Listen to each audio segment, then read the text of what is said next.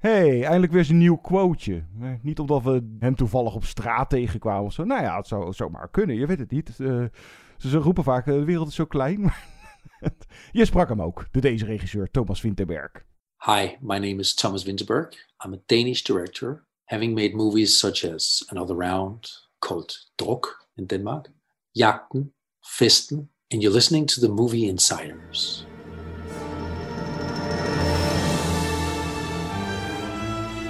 Good evening, ladies and gentlemen. We are tonight's entertainment. Movie Insiders. They're here. Why should I waste my time listening? Because I have a right to be. I have a voice. Groovy. Hallo allemaal, je luistert naar Movie Insiders, de filmpodcast van AD.nl, die je ook kan beluisteren via bijvoorbeeld Spotify. Mijn naam is John. En mijn naam is Guido. Vind ons inderdaad op die platforms, maar je kan ons ook een e-mailtje sturen bijvoorbeeld. Misschien lezen we hem wel voor in een volgende show. Het adres movieinsiderspodcast.gmail.com We zitten ook op Twitter, Facebook en Instagram. Volgens mij hebben we een leuk programma. Eh, niet zo'n vol programma als de vorige week. Toen deden we echt voor mijn gevoel iets van 120 recensies. Wij zijn iets meer bescheiden deze keer, maar wel twee films die volgens mij echt het bespreken waard zijn. Strakjes, een film die al een tijdje uit is in de bioscoop, maar nu ook een première beleeft op het streamingplatform Amazon Prime Video. Dat is het arthouse ridder epos The Green Knight van David Lowry met Dev Patel, die we kennen uit Slumdog Millionaire. Je hoorde hem al eventjes voor de Movie Insiders tune, de stem van de Deense cineast Thomas Vinterberg. Bekend van Vesten en Jaakten. En hij heeft een nieuwe film uit. En dat is Droek. Die de Oscar won voor de Best International Feature. Another Round heet hij in het Engels. En ik sprak hem. En we kunnen dat gesprek laten horen. En dat was een interessante discussie. Die ook mij weer op een hele andere manier over de film deed nadenken. Straks in deze aflevering dus. Winterberg aan het woord. De aanleiding lijkt me duidelijk. We moeten hier een biertje bij drinken, John. Ja, dat lijkt me, dat lijkt me heel erg uh, toepasselijk. Ja. ja, want deze film gaat over ja, of het leven misschien niet toch gewoon een stukje mooier is met, al is het maar een paar slokjes alcohol. Uit Denemarken, Droek. Cheers, mate. Cheers. Jeg om I har lyst til at starte aftenen med lidt champagne. Det lyder dejligt. Øh, jeg er i bil. Jeg skal bare have en øh, dansk vand øh, uden citrus. Uden citrus, ja tak. Ja. ja. Hæft, det er godt det her. Øh, ja, det er sgu synd, du er så fornuftig. Men spørgsmålet er, hvad der i virkeligheden er fornuft. Der findes en, en norsk filosof. Han øh, mener, at mennesket er født med en halv promille for lidt. Altså, jeg må sige, jeg kunne da godt sådan bruge en halv promille sådan på daglig basis for at få lidt mere selvtillid. Det har vi da alle sammen brug for. Det har du da også brug for. Jeg synes, det er spændende. Det gør jeg også. Så det er det, vi gør. Val ik nu een beetje in herhaling? Ach, nou ja, dan roepen we het nog een keertje. Droek, ofwel Another Round van dus de deze regisseur Thomas Vinterberg. Bekend van Vesten en Jaakten. Won dus eerder dit jaar de Oscar voor Best International Feature Film. Oh ja, en Vinterberg die scoorde een regie-nominatie. Misschien wel bekendste export-Deen Mats Mikkelsen speelt Martin, een middelbare schooldocent die kampt met een midlife crisis. Zijn huwelijk en werkethiek zitten flink in een dip. Dit verandert als hij samen met drie collega's een theorie gaat testen dat een dagelijkse, constante alcoholinname, met limiet dan wel, je sociale en professionele vaardigheden zou verbeteren. Het heeft zowel positieve als negatieve gevolgen als resultaat. Hey Guido, welke eerdere top 5 van ons zou je deze dan inzetten? Die we recent deden, die top 5 schoolfilms. Dus best wel veel in een school. Of dan toch maar die uh, top 5 geloofwaardig bezopen? Ik denk geloofwaardig bezopen. Er zitten een paar hele mooie scènes in waarin we de hoofdrolspelers voor de klas zien staan. En die zijn ineens een stuk populairder. Want het werkt in eerste instantie natuurlijk, dit experiment.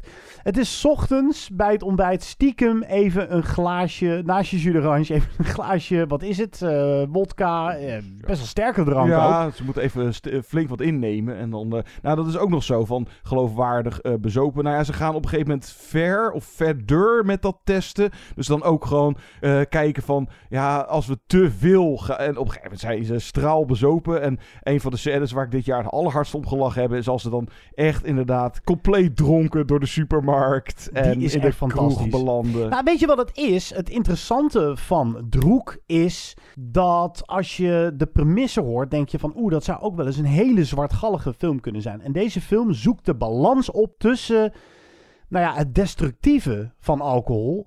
En toch ook heel eerlijk is over het fenomeen dat je inderdaad wat losser wordt. En het leven misschien inderdaad er wel iets mooier uitziet. Ja, reclame en waarschuwing voor alcoholgebruik. Ja, Vinterberg wilde in eerste instantie ook meer een viering van alcohol maken. En daarmee teruggrijpen op zijn eerdere film Vesten. Dus iets meer cynisch.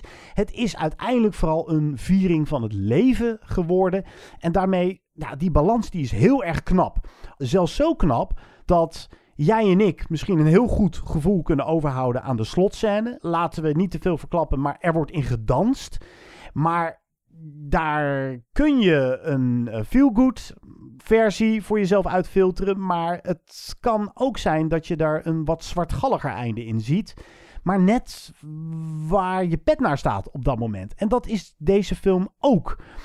Dus het is niet zomaar in een hokje te stoppen. En dat is Thomas Vinterberg denk ik ten voeten uit. Kijk, Jaakten, zijn eerdere film over een man die ten onrechte eh, wordt beschuldigd van pedofilie.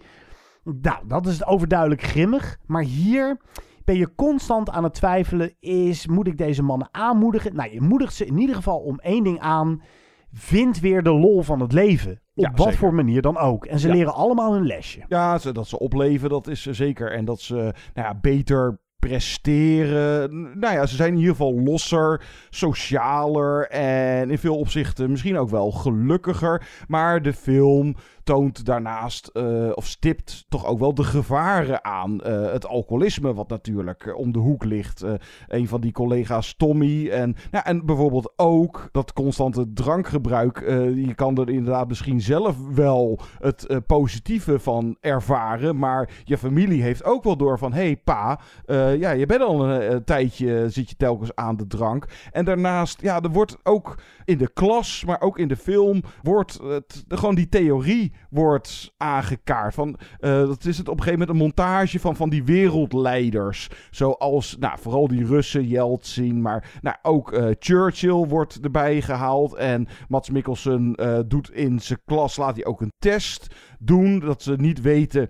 Eh, en hij somt op van, ja, deze wereldleider. En eh, zat dagelijks aan de... En had last van overgewicht en bladibla bla bla. En daar kiezen ze dan uiteindelijk niet voor. Maar voor de man die eh, dat allemaal dus niet doet. En dus kiezen ze voor Hitler. Hè, die, daar- daar dus, dat was de, de brave...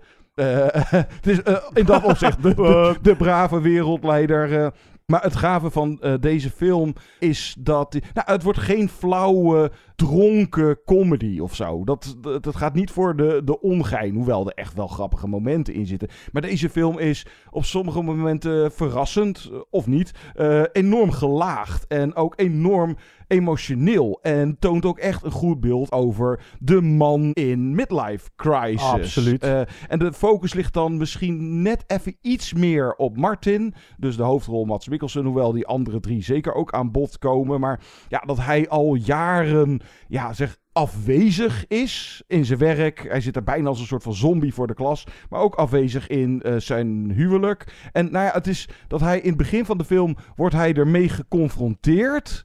En bij hemzelf vindt die realisatie plaats. En krijg je dus een soort van wake-up call van... hey, inderdaad, eh, ik zit zwaar in die sleur, in die midlife crisis. En dan zou je ja, inderdaad je twijfels bij kunnen zetten van... of het middel wat ze dan gaan gebruiken om daar uit te komen... of dat dan eh, het, het goede is. Maar Ja, ze komen allemaal tot de realisatie dat het niet goed is om te veel alcohol te gebruiken. nee, dat is duidelijk. Want het experiment is om er een beetje bij te gebruiken. Maar het gevaar is natuurlijk bij alcohol dat je het voelt zo goed, laat ik er nog eentje nemen.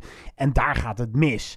Dus uiteindelijk eh, is deze film een mix geworden van eh, nou ja, wat ik al zei, het vieren van alcohol en er toch ook kritisch op zijn. Maar je kan ook het hele alcoholaspect vergeten. Want uiteindelijk gaat het is een verrassend tedere film. Zeker, ja. En een verrassend Nou, wat jij ook al zegt, een emotionele film over nou, de sleur van het leven en ook het verlangen om weer jong te zijn. Dit zijn ook docenten die constant zien hoe het was om jong te zijn. Want ze staan voor de klas. Dus dat hele gegeven is al natuurlijk een soort van ontroerend. En, en, een beetje tragicomisch ook. Ja, we kijken naar een nieuwe generatie. Maar het, is, het zijn allemaal jongeren. En het is onbezorgd. En ik zit met een en al zorgen. En, en is het leven er beter op geworden of niet? En hoe deze vrienden elkaar ook oppeppen. Dat is ook heel mooi. Ze hebben uiteindelijk, zou je kunnen zeggen, die alcohol niet nodig. Het is misschien een, even een zetje. Het is een soort katalysator. Maar uiteindelijk zijn het, is het de vriendschap onderling die van deze mannen een, nou, een beter persoon maakt. Maar tragedie ligt altijd op de loer. En dat is ontzettend knap. Dus die slotscène, ik werd er heel erg vrolijk van. Volgens mij ook, Winterberg zelf ook. Maar wat als je nou um, een alcoholist bent? En je ziet deze film, dan kijk je misschien naar iets heel anders. Mm. Maar dit is wel, John, het, het spat van de levensenergie. Het is met levensenergie gemaakt. Het gaat over levensenergie. En Ja, ik maar- zag hem ook nog eens in een tijd. Eigenlijk heb ik hem al. Ik heb hem veel te lang geleden gezien om echt op de details nog in te gaan. Maar ook in een tijd van corona en dus depressie. En hoe, hoe gaan we hier met z'n allen in godesnaam uitkomen? Nou, we zijn er nog steeds niet helemaal van verlost.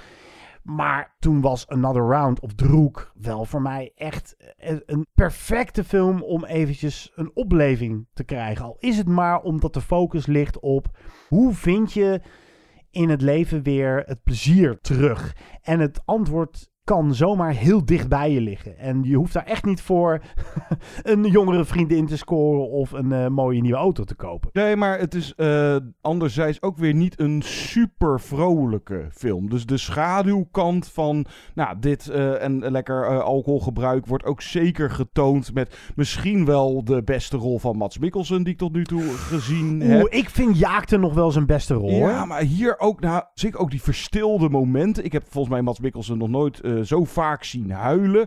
Maar ja, dat, het is ook zo aangrijpend dat, eh, nou, dat huwelijk wat hij met zijn vrouw, Annika heet ze dan, geloof ik. En dat het, het is inmiddels, zegt zij, eh, althans te laat. Eh, het heeft al te lang geduurd. Het is al, de, de sleur zit er al te veel jaren in. Of toch uiteindelijk eh, komt het nog wel goed aan het einde van de film. En die Tommy en ik duim voor jullie. En nou, dan heb je, wat is het, Nicolai, dat is die met die plassende kids. Die iedere keer in bed plassen. En dan heb je nog Peter. Ze krijgen allemaal wel wat uitwerking qua karakterontwikkeling. Maar vooral Martin en zijn crisis en zijn huwelijk. En eh, ook nog wel interessant dat Thomas Vinterberg... Nou, hij begon dan niet zozeer met Vesten, want hij deed daarvoor. Maar dat is de film waar hij vooral bekend mee werd. En dat was zo'n dogma-titel. Dat gaan we nu niet helemaal uitleggen, maar dat was met al die restricties. En dat is wel zeker merkbaar in zijn latere Deense films. Want zodra hij dan een Engelstalige film maakt, dan pakt hij wat meer uit met een kostuumdrama of wat. Far from the Madding Crowd was dat, Ja, hè? zoiets. Maar dat je ook nog in deze, of bijvoorbeeld in Jaakten, ziet dat het heeft weinig kunstmatigs. Dit heeft bijvoorbeeld ook weer geen score of... eh, nou, sowieso zitten er geen special effects in of zo. Maar dit is ook weer niet een vesten. En dit is ook weer niet rauw realistisch. Het heeft een fijne toon en een beetje melancholisch. En het. Het is geen moeilijke film. Nee, ook. het- het- Dit het is een, een film die je bij iedereen wel kan aanraden. Ja, heerlijke tragicomedy. eh. Ja, en die Scandinaviërs, het is moeilijk je vinger er precies op te leggen, maar die hebben een gevoel voor drama en voor humor dat niet zo makkelijk te vergelijken is met bijvoorbeeld de Britse humor. Dat is toch weer heel erg anders. En het is toch ook weer... Je ziet dat Riders of Justice van eerder dit jaar, daar hebben we ook een recensie van gedaan. Eh, scroll een beetje terug in onze playlist Ja, of en op ad.nl. Later dit jaar nog een krijgt hij een reguliere release. Dus dan, ja. ja, dus hou die titel in de gaten. Mocht je hem nog niet hebben gezien, die komt nog uit. Die is ook weergeloos. Wat is dat toch met die Scandinaviërs en die, ja, die ironische blik naar het leven? Ik weet het niet. Misschien omdat het gelukkigste volk ter wereld is. Dat het daarom... Het kan, het kan bijna niet anders. Over gelukkig zijn en een tegenslag eh, verwerken gesproken. Het is eh, gewoon, vind ik toch een meerwaarde om te weten dat Thomas Vinterberg bezig was met deze film. En na vier dagen schieten overleed zijn 19-jarige dochter Ida. Die zou een rol hebben gespeeld ook in deze film. Die zou de dochter spelen van Mats Mikkelsens personage. Het is echt te gruwelijk voor woorden. Uh, Winterbergs vrouw en dochter zaten in de auto. Ze kregen een ongeluk en zijn vrouw heeft het overleefd en dochter niet. En toen lag nou, dit hele project op zijn gat. En uiteindelijk heeft hij gedaan wat hij natuurlijk moest doen. Dat is dat naar zijn voordeel buigen en deze film afgemaakt in de geest van zijn dochter. En op de een of andere manier voel je dat. Ik kan niet goed uitleggen waarom, maar het heeft te maken met iets, met een bepaalde mate van authenticiteit. Dus het is niet een bepaalde mate van alcohol. Het is uiteindelijk een bepaalde mate van authenticiteit dat deze film echt ja, boven zichzelf laat uitstijgen bijna. Ik krijg in ieder geval wel, uh, ik dan althans. Het zal per persoon verschillen, maar trek in een drankje. Jij krijgt altijd uh, trek in ja, een drankje. Je staat ermee op, alcoholist die je bent. Nou, nee, nee, nee, nee. Blijf luisteren. Straks het interview met de regisseur van Droek, Thomas Vinterberg. Laten we eerst. Ja, er zit dus geen score in Droek. Maar er is wel een nummer. Wat nou, ook uh, in de slotscène aanwezig is. Of het zelfs, zit zelfs twee keer in de film. En ik dacht te hebben begrepen dat het ook speciaal voor deze film is gemaakt. What a Life van Scarlet Pleasure. What a life. What a night. What a beautiful, beautiful ride. Oh, Don't know where I'm in five, but I'm young and alive. Fuck what they are saying, what a life. I am so thrilled right now, cause I'm popping right now. Don't wanna worry about a thing. But it makes me terrified to be on the other side. How long before I go insane? I am so thrilled right now, cause I'm popping right now. Don't wanna worry about a thing. But it makes me terrified to be on the other side. How long before I go insane? What a life, what a night, what a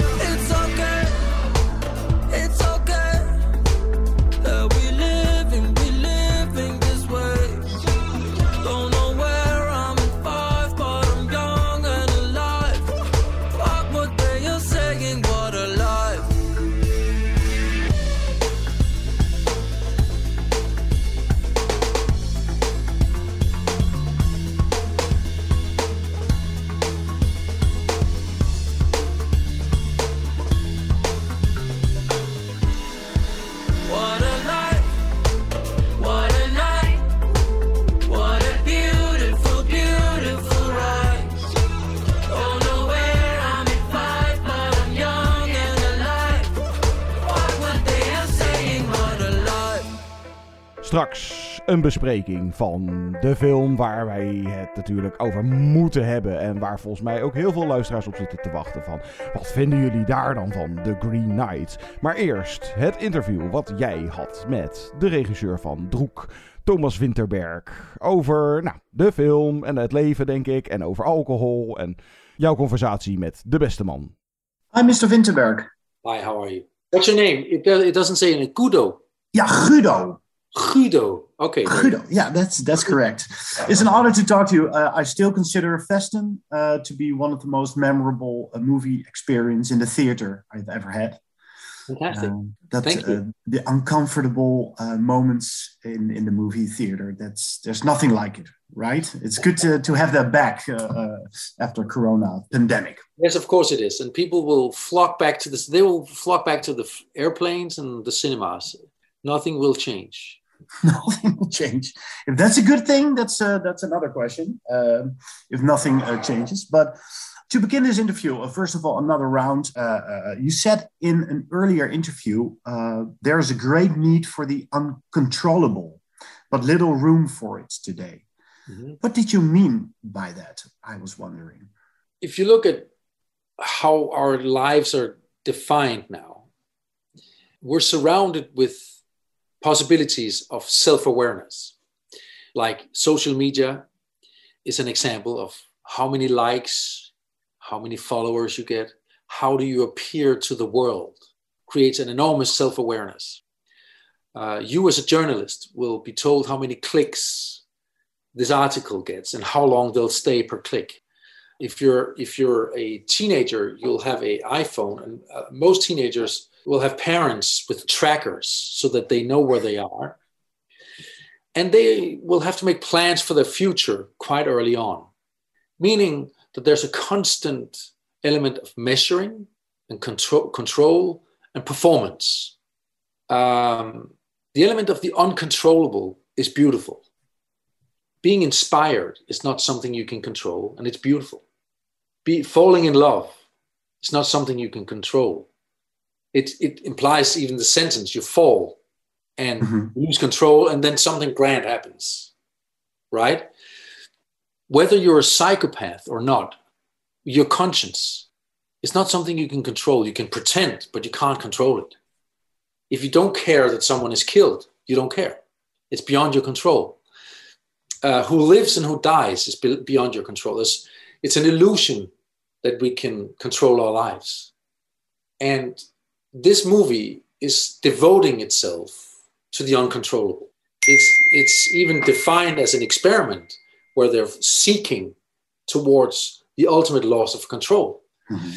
And in the loss of control, there's also the loss of self awareness. I've been reading some philosophers. In, it's my wife's books. She's much cleverer than I am. She's a priest and she has these books that I read sometimes. And they say that forgetting yourself is what can lead to happiness. If you lay your eyes upon something beautiful or something you like or something that just interests you and you forget about yourself, that could be a moment of happiness. And there's not many possibilities of that. Did I answer your question? Yeah, absolutely. It shines a different light on the movie as well. That's something I really like. You, you said your, your, your wife is a priest?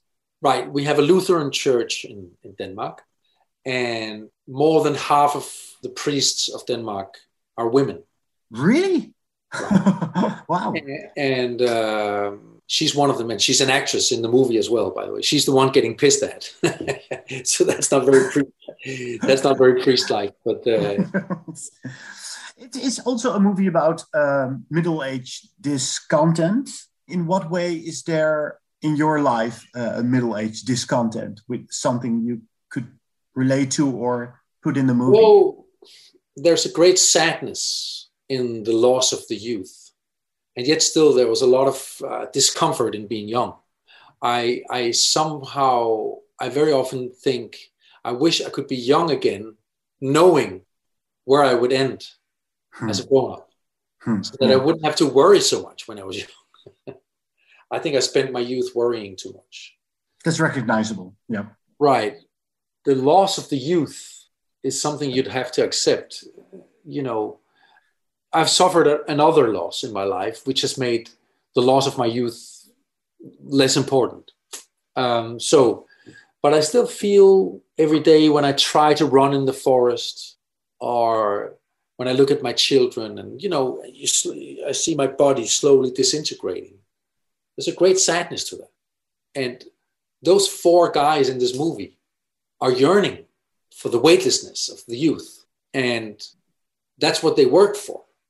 Uh, and that miracle is what I think appears to Matt Mikkelsen at the end. He it ties up with the loss of control because he tries to dance and ah, then he retreats a little bit because he becomes self-conscious yeah. he tries to dance a little bit more, and it works better. And then finally, he forgets entirely about himself and he loses control. Yeah, control. And he becomes yeah. young again and weightless. That's the miracle I was trying to make at the end. Uh, that, someone else dies, of course, you know. Yeah. What do you hope people take away from this movie? Is that also some uh, related to your answer you just said? I hope they take away inspiration encouragement, uh, celebration of life. I hope it inspires people to live as opposed to just exist. but that's a huge thing to hope. that's an huge. That's very ambitious. they might just take away a funny film about some nice blokes that made them laugh. Yeah. Uh, I think a lot of people take a lot of confusion from it. Like, what was this film actually trying to say? Uh, which I'm not entirely comfortable with. But then again, trying to uh, tell people how to live or conclude how to drink, who am I to do that? I can't do that. I had I had to end this movie open. But why why were you uncomfortable with that? Because you had such a clear vision and clear mind, and you thought No, no, no. It's it's like most people feel most comfortable about being told what to think and what to do yeah at the end of a movie. And this this ending is a little bit more demanding because it's open. You know, for some people he's falling in, and for some other people he's flying. Uh, for some people he's letting his wife down, but for me he's getting another round with his, with his wife. So for you. That's that's your uh, interpretation. Uh, it's not my movie. I've, I've, I've given it away. And, uh, you know, it's in, in Denmark, you know, you have youngsters who come to see the movie for the fourth time Friday night with a bag of beer on their way to town. really? Of course, a lot, this is a very young audience for this movie. It's a, it's a, first of all, it's the biggest audience I've ever had for anything I've ever done. It's like a massive box office success here. Mm-hmm. But secondly, it's a, it's very young. But then a couple of seats next to these people, you have a, an, an anonymous alcoholic who finds that this is a tragedy about how a person falls in, falls back in. You know, so and I enjoy that. I enjoy the fact that there's 450 seats and there's 450 different movies being watched. It is it, it is really interesting to me because when I first read about the movie, I hadn't seen it yet. Uh, I thought, ooh, this this movie could be a controversial one because of the alcohol aspect, and it didn't become very controversial. No, I no. think. My first movie, my meaning the movie I invented in 2013, was more controversial because it was solely a celebration of alcohol. Mhm. It was only a celebration of alcohol. That was the, the, the fundamental idea. It was more provocative and probably more controversial. Um, but I felt that was a f- kind of film that would have belonged to my 20s. It would have been a great dogma movie. Uh, I felt a responsibility actually to tell the whole story about all the families that are destroyed and people who dies. And I also find it fascinating that this liquor that can elevate us and that can make Churchill make great decisions and Hemingway make great books and make people marry. I don't, I don't know that, that many people who married couples who met each other sober. Uh, I don't know if you do, but but I don't. Uh, nope. And, and and yet still it kills and destroys people. Yep. That's the true story of this thing. Uh, so we decided to go for the whole thing, But that, and that that, sounds made, that that made it less controversial. yeah, and, and and and that sounds also it sounds more uh, logical to do that. So why first you wanted? Why did you first want to, to celebrate the alcohol? What was the idea behind that then? Um, I guess it was a. Uh, I, I felt provoked about political correctness, mediocrity, restraints, and control. Yeah. Too much control. So I felt like rebelling against that.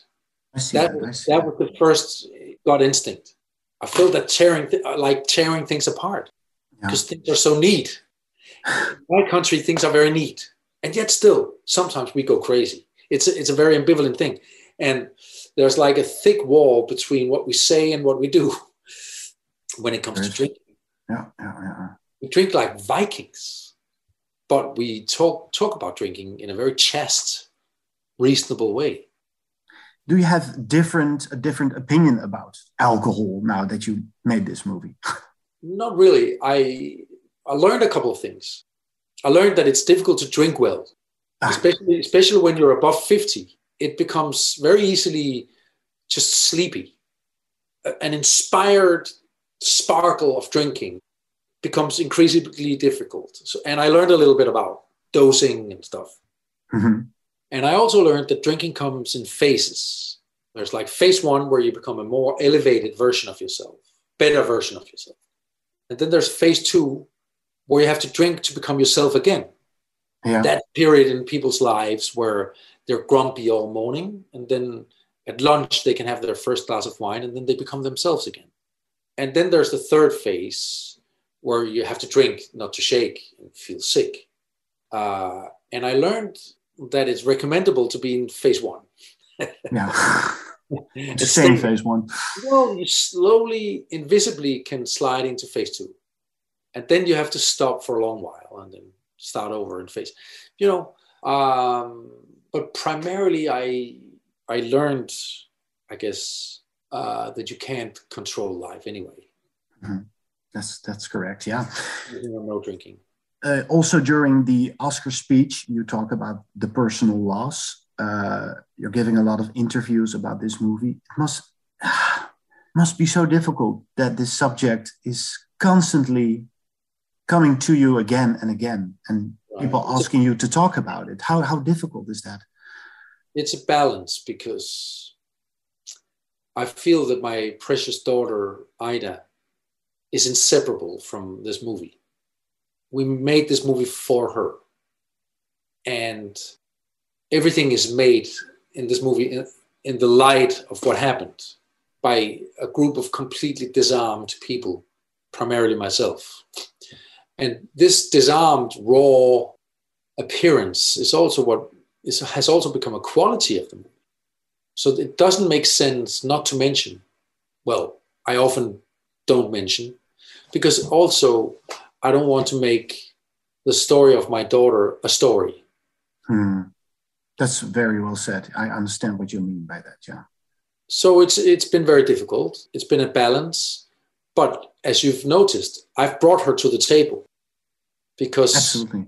I wanted to make sure that the world understand that this movie is for her. So it's it's been a difficult balance, but uh, I've I've put myself in that situation uh, deliberately. Did you ever thought uh, think about quitting, Quitting making movie or quitting making this movie? making this movie? Of course, that was my first. Um, I was thinking about quitting living. Uh, it was incredibly painful. But then I talked to psychiatrists who said if you can shower and you can eat and you can look people in the eyes without crying, then you should go to work Hmm. because it'll give you a direction. I said, I can't look people in the eyes without crying. Well, the first time and the second time doesn't count, but the third time you meet them. And I was like, okay, maybe I can do that. Um, but also, this may sound crazy to someone who possibly haven't experienced it, but I had conversations with her in my head, and she liked the idea of make this movie being made for her. she liked the shine of that, and um, that gave me a small purpose in life to bring that to her. So thinking back about winning an Oscar and all these awards, I'm thinking it would have been impossible not to. Hmm. I'm glad I didn't think about that before. but I had to bring these things home. Wow, that makes me quiet a little bit. Um, something completely uh, different then. How have you changed as a as a filmmaker? That's a huge question. If you look back to your filmography, uh, which is so diverse and interesting, looking at yourself, looking back, is, have you changed as a filmmaker? Do you make different Well, choices? I, I, I've been doing some detours. This movie looks very much like my graduate movie from the beginning of the 90s and is almost having the same title, uh, which was called uh, Last Round, whereas this is called Another Round.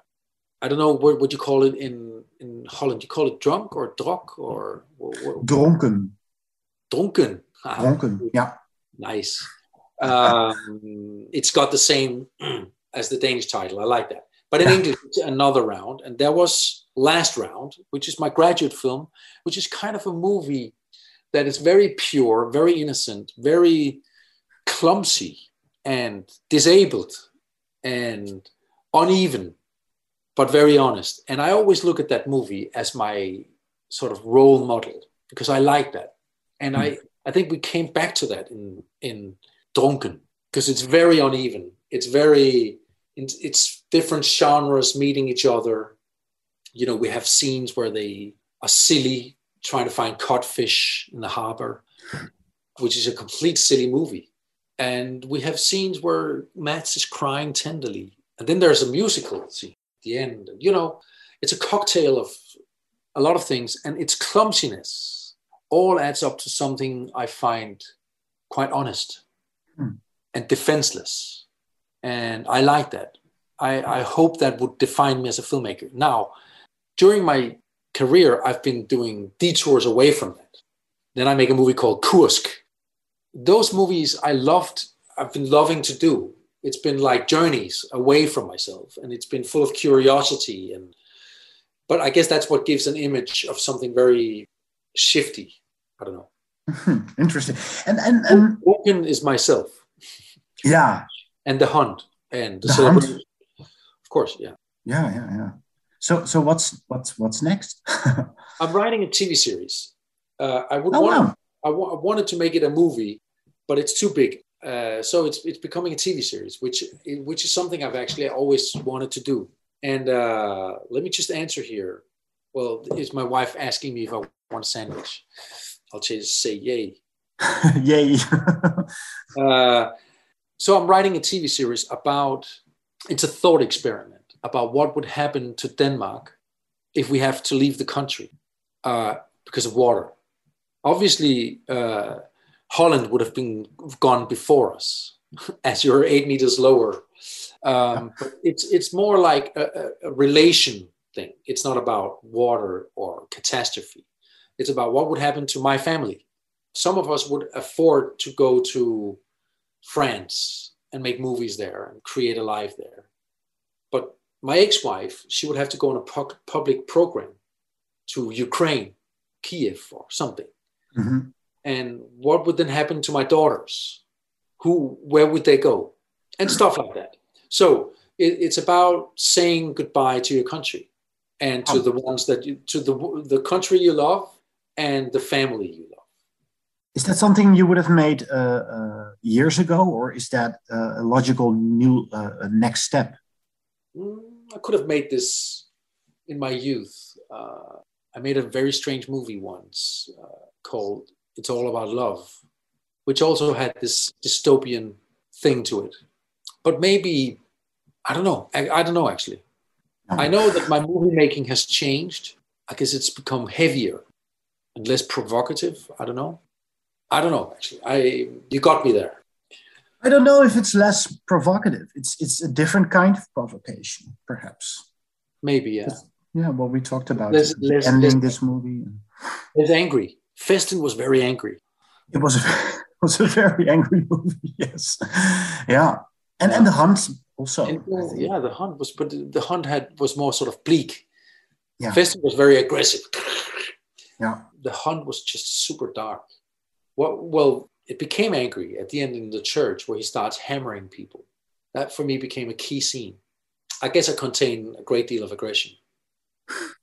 and and that's something uh, emotions you can put in movies. That's that's the most beautiful thing there is, right? I can Right. imagine. I should probably do an action movie. Yeah, good one. But please make it a different one than than the blueprint we see uh, every week in the movie theaters. What should it be about? I don't know. Perhaps it should be about uh, all the, the regular things about a superhero movie, but then with a Thomas Vinterberg twist. Uh, with So typically, the everyday everyday version. yeah, that would be nice. Yeah, I'll do that. thank you so much, Mr. Vinterberg, for this uh, conversation. Really, Thank you. um, thank you so much. Thank you. Bye. Bye. Oké, tijd voor de recensie. De film die we moeten bespreken. Het, de luisteraars zaten waarschijnlijk al te wachten van... eh, wanneer ga je het nou over die film hebben? Want daar heeft iedereen, eh, althans vooral de filmliefhebbers, hebben het erover. Nou, wat vinden wij dan van The Green Knight? friends, brothers and sisters,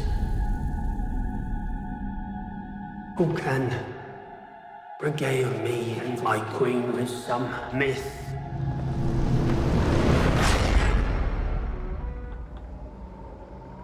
Or.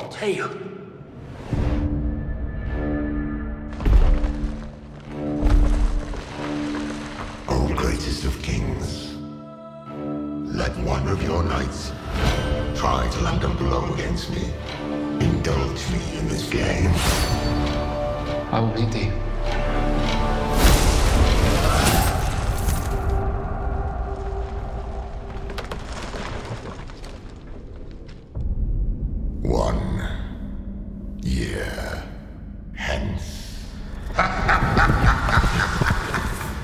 De trailer van het bizarre ridder-epos The Green Knight moet fans van bijvoorbeeld The Game of Thrones of Lord of the Rings doen kwijlen.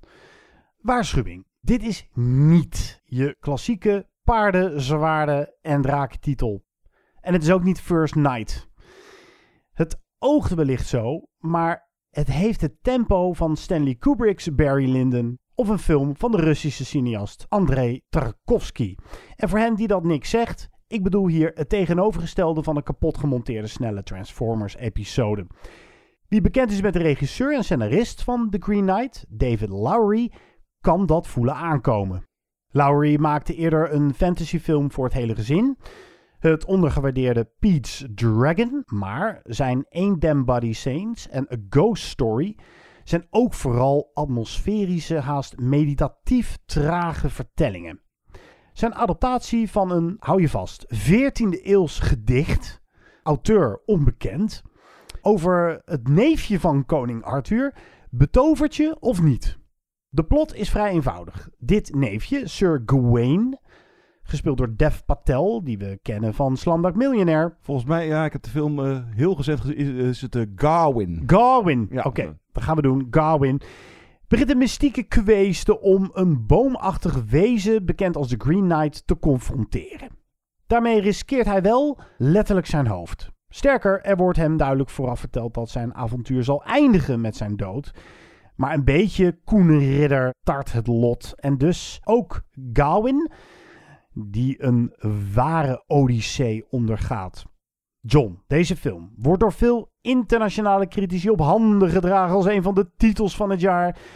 Bleef jij ook betoverd achter? Of viel je net als ik bijna in slaap? Nou, ik bleef wel betoverd achter. Het is met, ja, dit is vooropgesteld. Overduidelijk een film.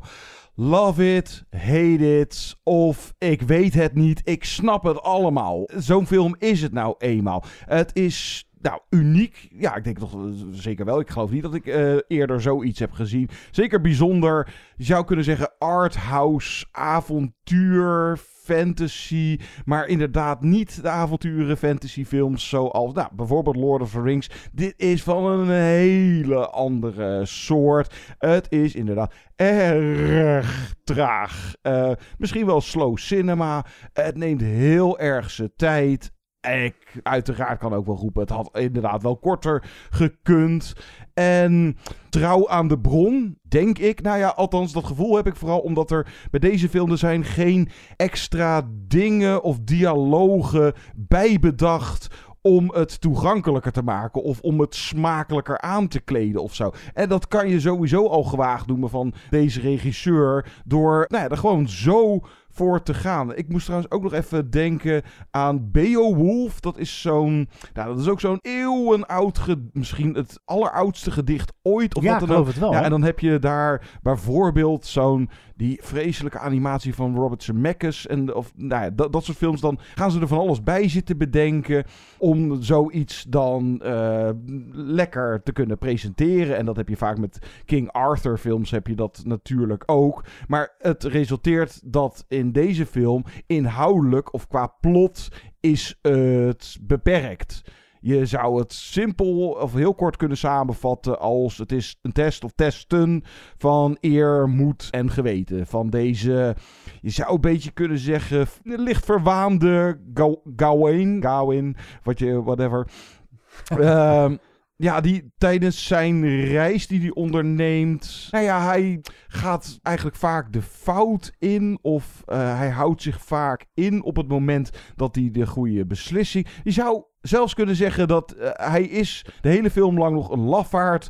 Om aan het einde van de film dan uiteindelijk natuurlijk als held te eindigen. En hij worstelt wel met dat nou, heldendom. Uh, hij wil zichzelf graag ook bewijzen. En je zou ook ten nadele van de film. Of ik snap ook wel dat mensen er moeite mee hebben, omdat hij. Het is geen likable character. Ehm, het is ook dat. Daar, het is zwaar. Het is een moeilijke film, Ja, het is heel moeilijk. Het is zwaar. Ook omdat je eigenlijk de hele film lang ben je alleen maar met hem op pad. Eh, de film speelt dan soms nog wel een beetje met de tijd. Maar nou, ik, ik werd er langzaam aan wel door betoverd. Daar ga ik zo wel even over door. Oké, want ja. daar ben ik wel benieuwd naar, want je neemt niet echt stelling in. Ik zag hem echt alweer een tijdje terug en ik had hier ontzettend veel zin in. En laat ik met het positieve beginnen. Het ziet er waanzinnig mooi uit. Ik snap het niet hoe ze het met, dat, met een beperkt budget voor elkaar hebben gekregen om een bijna volledig eigen esthetiek Het is eh, visueel verbluffend. Het is echt niet normaal. Ja, het- er zou eigenlijk een Oscar moeten gaan naar de location scout. Want ik wil naar al deze plekken waar Gawain heen gaat, wil ik ook op vakantie. Ik wil daar rondwalen in die bossen. Dus dat is. En het oogt ook niet als een Lord of the Rings of als een Game of Thrones of een andere fantasyfilm die je eerder zag. De Green Knight zelf, die pratende boom, is ook geen end uit The Two Towers. Het is ook niet een film die heel makkelijk op CGI rust. Al is de pratende vos die voorbij komt misschien wel een beetje te overduidelijk een computerdingetje. Ja, er was niet heel veel budget. Nou, de, de CGI is acceptabel. Ja, nee, maar de. CGI is wel mooi. Er zitten, er, op een gegeven moment treft hij een aantal reuzen. En je, je hebt nog nooit zulke reuzen gezien. Nog nooit. En ik kan het niet beschrijven ook. Dus ik ben nog niet klaar met deze film. Ik kan hem ook onmogelijk afkraken, want het is met zoveel lef gemaakt. En ik hou vaak een pleidooi in deze podcast voor cineasten met lef, want je ziet ze zo weinig. Er wordt zo weinig geld voor deze mensen beschikbaar gesteld om te maken eh, iets in hun eigen unieke visie. En dan is het er eindelijk en dan val ik er bijna bij in slaap. Ik vind het balen dat ik niet zo smulde van deze film als heel veel andere mensen, maar hij is mij echt te traag.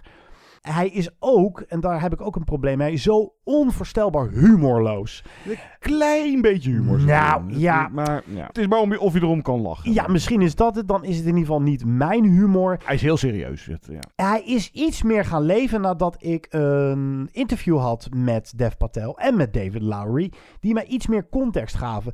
Wat Dev Patel zei vond ik heel interessant. Ik vroeg hem waarom hij nou, voor deze film heeft gekozen. En hij zei, de reis die Gawain doormaakt in deze film... leg ik een beetje langs mijn eigen carrière. Hij zei, ik ben begonnen bij Slumdog Millionaire. Eh, ik was een jonge pik. En die film won gelijk een enorme sloot aan Oscars. En nou ja, ik werd er een beetje een verwaand ventje van. En ik moest mijn integriteit zien te behouden. En dat is waar deze film voor mij over gaat, vertelde hij. Het gaat over iemand die nou, op zoek is naar iets, maar eigenlijk stiekem onbewust eh, vooral wandelt naar het behoud van zijn integriteit. En is dat nog wel mogelijk? En is verwaandheid niet eh, het grootste gevaar voor de mens? Nou, dat vind ik een, een hele mooie uitspraak. Maar ik kan het er nog steeds niet in zien. Misschien bij een tweede keer kijken. En David Lowry vertelde mij dat voor hem het groene, want de, de kleur groen, steeds meer groene kleuren in beeld. Het sowieso het kleurgebruik is ook oogstrelend mooi. Echt waanzinnig mooi. Ik heb echt nog nooit zoiets gezien. Ik kan het niet vaak genoeg eh, benadrukken.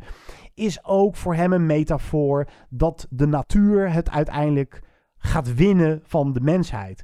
Dus ja, dat de vergankelijkheid van de mens, maar groen eh, zal altijd eh, blijven leven. is zo. altijd de Ja. mens de baas. En David Lowry vroeg ik ook van, ja, maar hoe zie je dat dan? Gaat de mens dan ten onder samen met de natuur? Hij zei van, nou, in het mooiste geval blijft de mensheid bestaan. Samen naast de natuur, maar ik heb er een hard hoofd in. En die, eh, dat cynische, eh, die filosofie, ja, Voel je die ook wel voel je. ja. Zeker. En daardoor is de film voor mij wel iets meer gaan leven. Maar ja, dan haal je dat uit een interview. En ik haalde dat niet zozeer uit een film. En moet een film niet genoeg zeggingskracht hebben uit zichzelf om dat bij jou te laten opborrelen? Ja, nee, zeker. En eh, nou, ja, kijk, dat is inderdaad visueel. En dat vond ik ook nog zo van... Het is inderdaad beeldschoon, maar het is ook... eh, ja, hoe moet je dat nou weer omschrijven? Het is niet mooier gemaakt dan het is. Of was, zeg maar. Dus ja, die natuur- veel films wel Ja. eh, een handje van Ja, hebben. dus het is hier wordt. Het is de ongepolijst. Ja, het, het wordt het vooral gedaan met kleurenfilters en dat soort dingen. Ik had ook wel nou, om en nabij een uur nodig om er echt in te komen. Maar toen kwam je Eh, er wel in. Ja, ik snap het volledig. Dat als je dat niet lukt. Hoe lang je daarvoor nodig hebt, eh, geen idee. Maar als dat niet lukt, dan, dan kan je ook niks met deze film. Maar de ja, ongrijpbare, misschien wel, sfeer. En vooral ook dat het de hele film lang. Het blijft gewoon zijn eigen ding. En het is meer, denk ik, een kwestie van of je dit, deze stijl, dit trage tempo, of je het dus wel of niet accepteert. En als je zoals ik dat op een gegeven moment wel doet, dan wordt die mooier en mooier. En is dat laatste kwartier is echt magisch straal. Waarin, nou ja, eigenlijk een, zonder dialoog met alleen maar muziek, ja, bijna een heel leven wordt geschetst wat zich mogelijk zou voor kunnen doen. Eh, maar dit is inderdaad ook zo'n film waar je bijna van tevoren als filmfreak moeten wij hiervan opveren. Want het doet eens een keer iets compleet anders dan dat wij kennen. Of eh, het wijkt echt af van de mainstream. Maar aan de andere kant, je bent ook filmkijker. Dus het is ook weer een kwestie van, ja, komt dit wel bij je binnen? Dus of je het er wel in ziet of niet. Of eh, dat je er misschien geen klik mee maakt, snap ik ook volkomen. Ja, precies. Ik En ik vond het bij jou trouwens wel typisch, want ik moest ook wel even aan Robert Eggers denken. De regisseur Ja. van The Witch Ja. en The Lighthouse. Want ja, niet helemaal, maar een beetje vergelijkbaar. Ja, maar daar zitten dan toch ook wel weer dialogen in die me pakken. Of het heeft een spannende sfeer, waardoor je niet weet waar het heen gaat. En hier, ik voelde nooit de urgentie of nooit de behoefte van... Goh, wat gaat er... eh, of de, de, anticipatie, wat gaat er nu gebeuren in de volgende scène? Die voelde ik niet. Miste ik misschien ook een klein beetje. Ja, je, maar ik word er wel- niet van scène naar scène gedragen met een soort verwachtingspatroon. Nu hoeft dat ook niet. Kijk, ergens heb ik ook wel lof voor deze film. Want wat ik al eerder zei, David Lowry is compromisloos bezig. Hij maakt geen compromissen naar het grote publiek. En dat moet je eigenlijk altijd toejuichen. Ook als recensent. Maar ik ben het met je eens. Critici die zijn ook iets te snel enthousiast over een film als het eens een keer helemaal van de gebaande paden afwijkt. En ja, dat levert nog niet per definitie een hele boeiende film op, denk ik dan. Ik ben er ook nog niet klaar mee. Ik zie er wel erg tegenop om hem een tweede keer te zien. Zou het kunnen zijn dat ik hem een tweede keer geweldig vind? Ik weet het niet. Ik denk het persoonlijk niet. Ik ga het denk ik ook dit jaar niet eh, eh, nog een keer kijken. Al is hij nu dus op Amazon Prime Video uit. Dus ook nog wel even goed om Ja, te benadrukken. Of, eh, twee dagen na deze podcast. Vanaf zaterdag, zeg maar. Dus, ja. ja. en dit is in ieder geval... Ik vind het alleen al heel erg fijn dat je een film hebt waar je over kan discussiëren.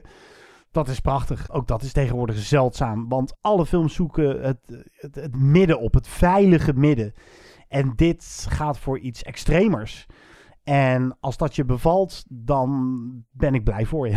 Ja, nee, kijk, ik wil bij deze ook zeker niet, eh, zeg maar, de filmsnop uithangen van... eh, oh ja, dit is zo bijzonder en dit moeten we daarom eh, extra prijzen. Ik geef ook wel eerlijk toe dat ik zeker ook wel wat moeite met de film had. Het is echt een hele moeilijke film, maar ik werd er ja, langzaamaan toch wel echt door gehypnotiseerd. En ja, ik vond hem dus door de gewaagde keuzes en door de stijl dus toch wel oprecht opwindend is misschien niet, eh, niet helemaal het goede woord, want de film is alles behalve opwindend, maar opwindend in de zin van dat ik dan toch als nou, filmsnop of als filmfreak er toch wel door geprikkeld werd. Je ziet hier echt iets unieks wat je, ja, dit, ik, ik heb echt nog nooit zoiets gezien. Nee. Ja, nou, ik begin weer aan mezelf te twijfelen als je zo enthousiast klinkt. Dan misschien ga ik hem toch nog een tweede keer aanzetten dan dit jaar.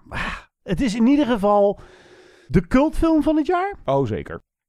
Nou, zijn jullie het met... Nou, ons kan ik in dit geval niet zeggen. Zijn jullie het met mij of met Guido eens? Kamp je- John of Kamp Guido? Ja, inderdaad. Wat vinden jullie van The Green Knight? Laat alsjeblieft van je horen. Geef een eh, mooie analyse per mail bijvoorbeeld. Stuur dan een mailtje naar movieinsiderspodcast.gmail.com Of geef even een reactie op Twitter, at movieinsight. Je kan onze site movieinsiders.nl of op Facebook. Dat kan natuurlijk ook altijd. Verder zitten we op Instagram Je kan ons beluisteren via Spotify, Apple en Google Podcasts. En wij zijn iedere week te vinden op ad.nl. Volgende keer dat wij een podcast doen, dan moeten we het hebben over The Father. Absoluut. Dat is die film waarvoor Anthony Hopkins eindelijk zijn tweede Oscar won na The Silence of the Lambs. Verrassend een Oscar. Ja, heel verrassend. God, dat was wel even een shockmoment. Eh een van de weinige opwindende momenten tijdens de afgelopen Oscar-ceremonie.